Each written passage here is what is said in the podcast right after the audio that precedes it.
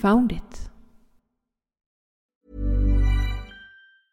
Ryan Reynolds here from Mint Mobile. With the price of just about everything going up during inflation, we thought we'd bring our prices down. So to help us, we brought in a reverse auctioneer, which is apparently a thing. Mint Mobile unlimited premium wireless. Ready to get 30, 30, bit to get 30, bit to get 20, 20, 20, bit to get 20, 20, bit to get 15, 15, 15, 15 just 15 bucks a month. So, Give it a try at mintmobile.com slash switch. $45 upfront for three months plus taxes and fees. Promo rate for new customers for limited time. Unlimited more than 40 gigabytes per month. Slows. Full terms at mintmobile.com.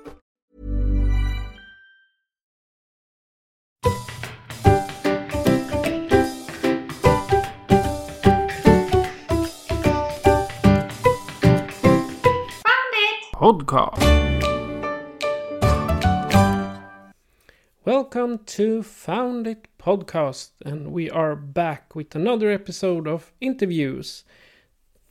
Trish and I had a great time at the last event when we celebrated our dear friends Boomligan, and we could not be happier to congratulate them. Last time we spoke English, then I, I spoke to a representative of Geocaching HQ, uh, Annie. We received a bunch of great response, and uh, you requested more of it. In fact, you also requested more of it on the event last week. Well, your requests have been answered, and today, as you can understand, we have a guest. Not just any guest, this is a guest of honor. So, welcome, Nicole, uh, project manager at HQ, Geocaching HQ. So nice to talk to you. So happy to be here. Thanks for having me. Yes. Uh, I'm, I'm just going to ask you, where are you based right now?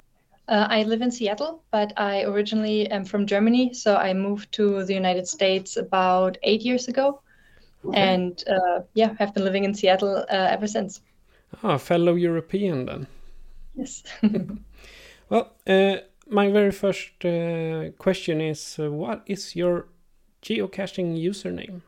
My username is uh, Nicole, just like my real name, but spelled differently. Uh, my real name is spelled uh, N I C O L E, and my geocaching name is spelled N Y K K O L E. And uh, the reason for that is that my human name is always taken as a username. So uh, when I was younger and I wanted to choose a username, I um, always wanted to use my name, but because it was always taken, I thought about how I could spell my name a little bit differently. And so I came up with N Y K K O L E. And from that moment on, I just used that for almost everything. Oh, how funny. When did you become a geocacher then? Uh, I started geocaching in 2012.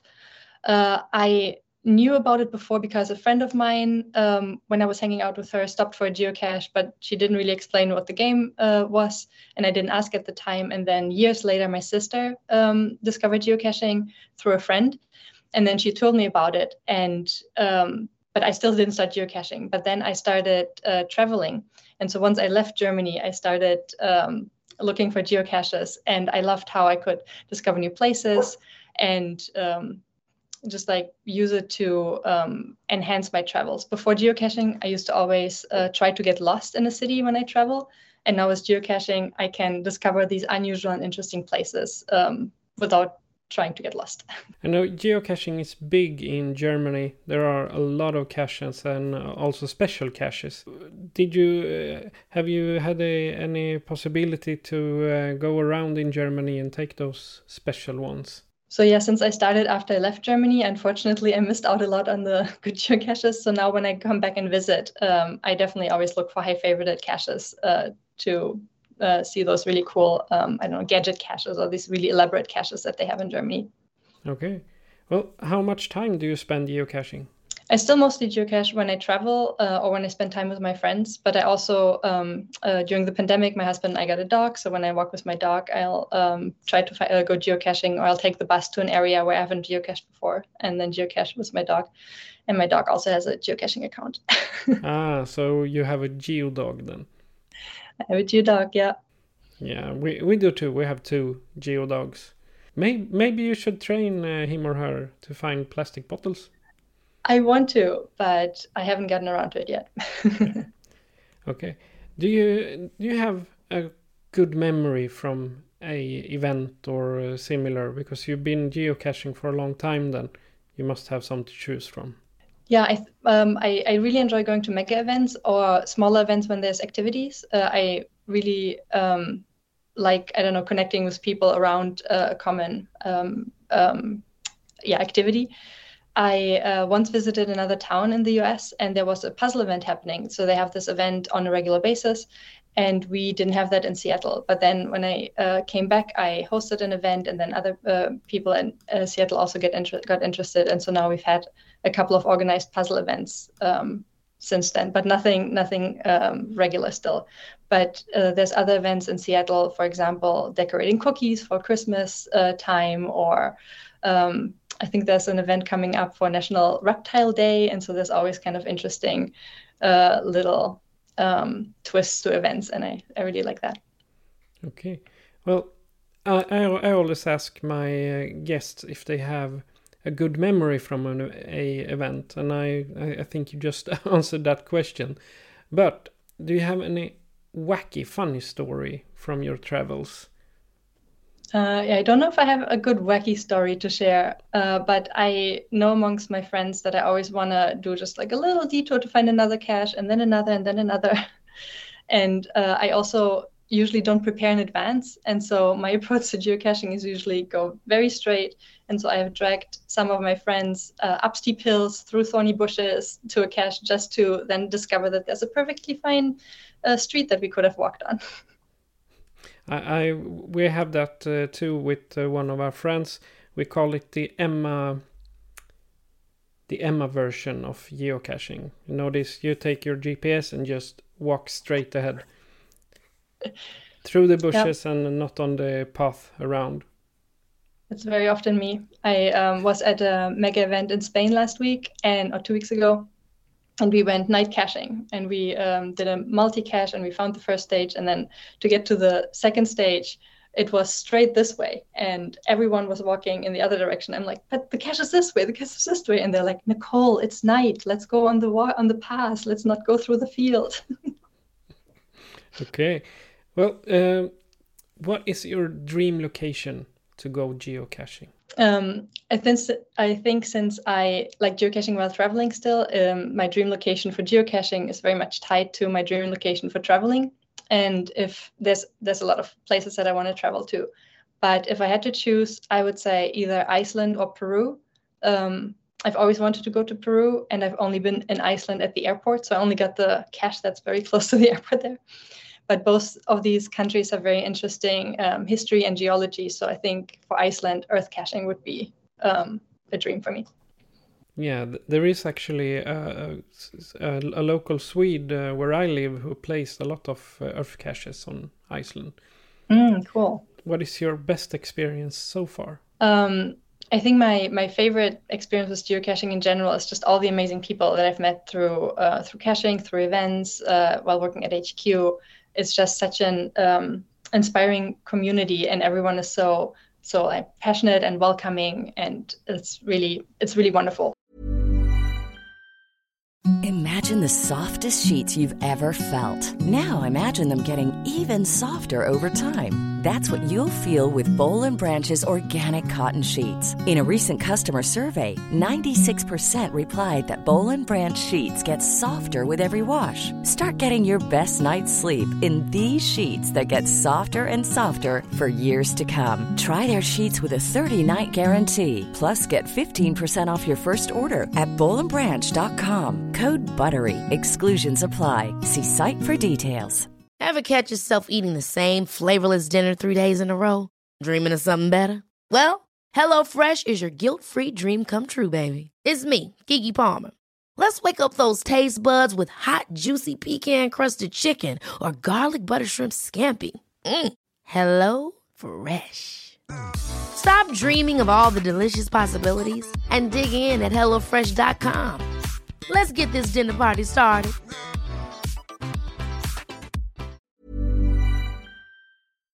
Well, we have to turn it around, and I'll ask you about your worst experience. Um, I don't normally take a lot of risks when I geocache, so my worst experience is probably just like a DNF or maybe a soggy logbook, or like on a rainy day when it's cold. I remember when I did a streak I really wanted to get to um, six months, but I didn't have a car, and it was uh, like I, I cached through the winter. And then on my last streak day, it was it was dark, it was late, it was raining, it was cold, and I was just crying. I was like, no, I have to find this last cache, and then I will stop my streak. So a wet and uh, cold cache then. Yeah, wet, cold, being just like really wanting to find it, not being able to find it in a in a in an unhospitable environment. so so maybe if you go to Europe during the winter, as it is now, then uh, trying to have a streak here in six months that would be pretty hard. Yeah, uh, luckily around Seattle, um, at least in the city, it doesn't uh, snow very much. Uh, when you go outside of the city, there's a lot of snow, but not in the city. And so, yeah, for the last almost 10 years, I've had have very little experience with snow. So, caching in Europe in the winter would be very different. okay. Well, um, how did you end up working at uh, Geocaching HQ? Mm, when I moved to the United States, I didn't uh, actually know that there was a geocaching HQ, um, but my husband th- saw geocaching HQ at a career fair and he brought back some trackables, and I was super excited because I hadn't seen many trackables before then. And then a little later, I met someone who worked at HQ and they encouraged me to apply. There were some openings. And so, yeah, I just went the route to apply for a position and got accepted. Okay. Uh, tell me about your workplace and how it is to spend a day at HQ. Mm-hmm. Yeah, currently I work mostly from home. So um, currently I'm at home. Uh, so I share my workplace with my husband and my dog. Uh, but I do go to the office two times a week now. Um, and it's a little more empty compared to before the pandemic uh, because a lot of people take the option to work from home some days. Um, but I enjoy eating lunch with my coworkers. We have a kitchen at HQ. Um, and then sometimes after work, we go out uh, for beer or go geocaching afterwards. And then my workday um, for me specifically is spent uh, in a lot of meetings. Uh, since I'm a product manager, I do a lot of communication with other teams and stakeholders to get um, information and uh, align with um, other um, lackeys on projects. What is the best thing about your work? Um, that would still be the amazing people. Um, we have really great and passionate uh, people, and I um, really like I really love my work and it's really great to work with other people who are who love their work as well. It creates a really good atmosphere. And um, the second part that I really love uh, about working at HQ is that there's always so much to learn about the game, the app, the website. Like every day, I learn something new. Um, and yeah, it's just like really multifaceted, and I enjoy that challenge. Well, we we established that you are the product manager, but what responsibilities do you have? Towards the HQ? So I'm the product manager for the mobile app. And so I work with the data team, the design team, marketing, the community team, and other stakeholders. And uh, we um, kind of, I gather all of the information and then prioritize the projects that we will work on for the geocaching app. How much do you spend with each team just to develop the app and the community? Uh, so yeah, my, my team, um, the mobile team is developing uh, the app every day. I'm not a developer myself, but I am uh, helping to enable the developers to do their work. Um, and uh, yeah, we spend a good amount of time on feature development, but there's also uh, some time that we spend on just like app maintenance, bug fixes, accessibility, and just keeping up with changing requirements. Okay, how how is the feedback? How how do you get it, and how much feedback do you get? Um, so for some projects, we only get internal feedback and testing. Um, that would be um, projects like technical debt or legal requirements. But then for other projects, anything that is public facing, we always seek feedback from the community. And so we have a lot of different ways to do that. Um, there's obviously the forums that are um, more uh, unstructured, but then we also have surveys and interviews uh, where we get um, input from the community. And then, of course, there's also A/B testing where a feature is uh, given out to the community, uh, to a portion of the community, so that we can compare. Okay. And I'll, I'm just gonna add a question to your uh, about your geocaching trips, and we ask this to all our guests. What types of snacks do you bring on a trip? Uh, I usually let's see, what do I bring? I bring uh, energy bars. Uh, I like the um, the, the energy bars that are, have very few ingredients, they're like figs and uh, nuts and such. Um, and then I really like um, uh, or I guess newly discovered since last year. I like there's these pouches of like apple and banana or like apple and spinach. You know those they, they give they, they exist for babies, but they also exist for adults, and so they're really easy to eat and you don't get your hands dirty. Oh, clever. I am very grateful that you took uh, your time off this day just to talk to us, uh, silly podcaster from Sweden.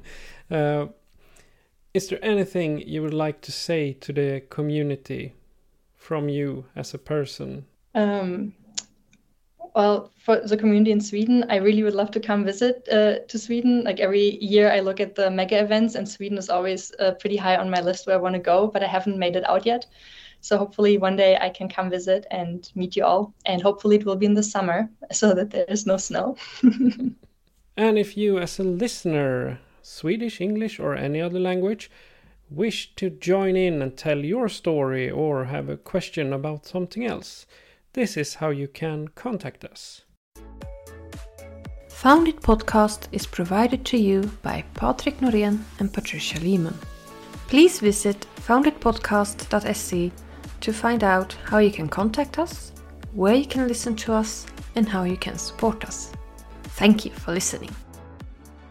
So, Nicole, me, my co host, and our listeners are very grateful that you took your, your, your time just to talk to me.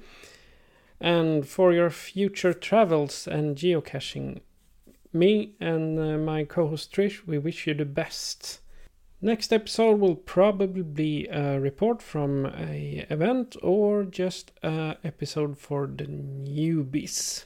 Well, that's it for today. So Nicole and me, we will say goodbye, and uh, you're listening to Foundit Podcast. Stay calm. And go geocaching. Goodbye to you. Found it! Podcast.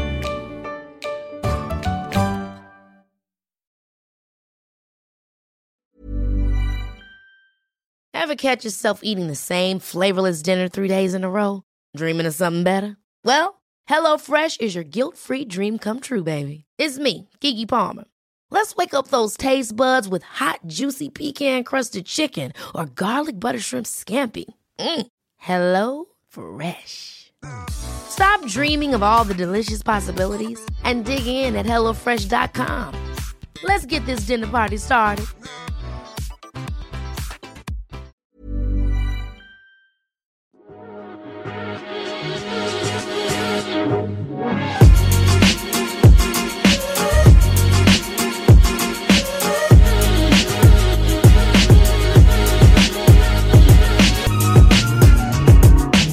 Found it.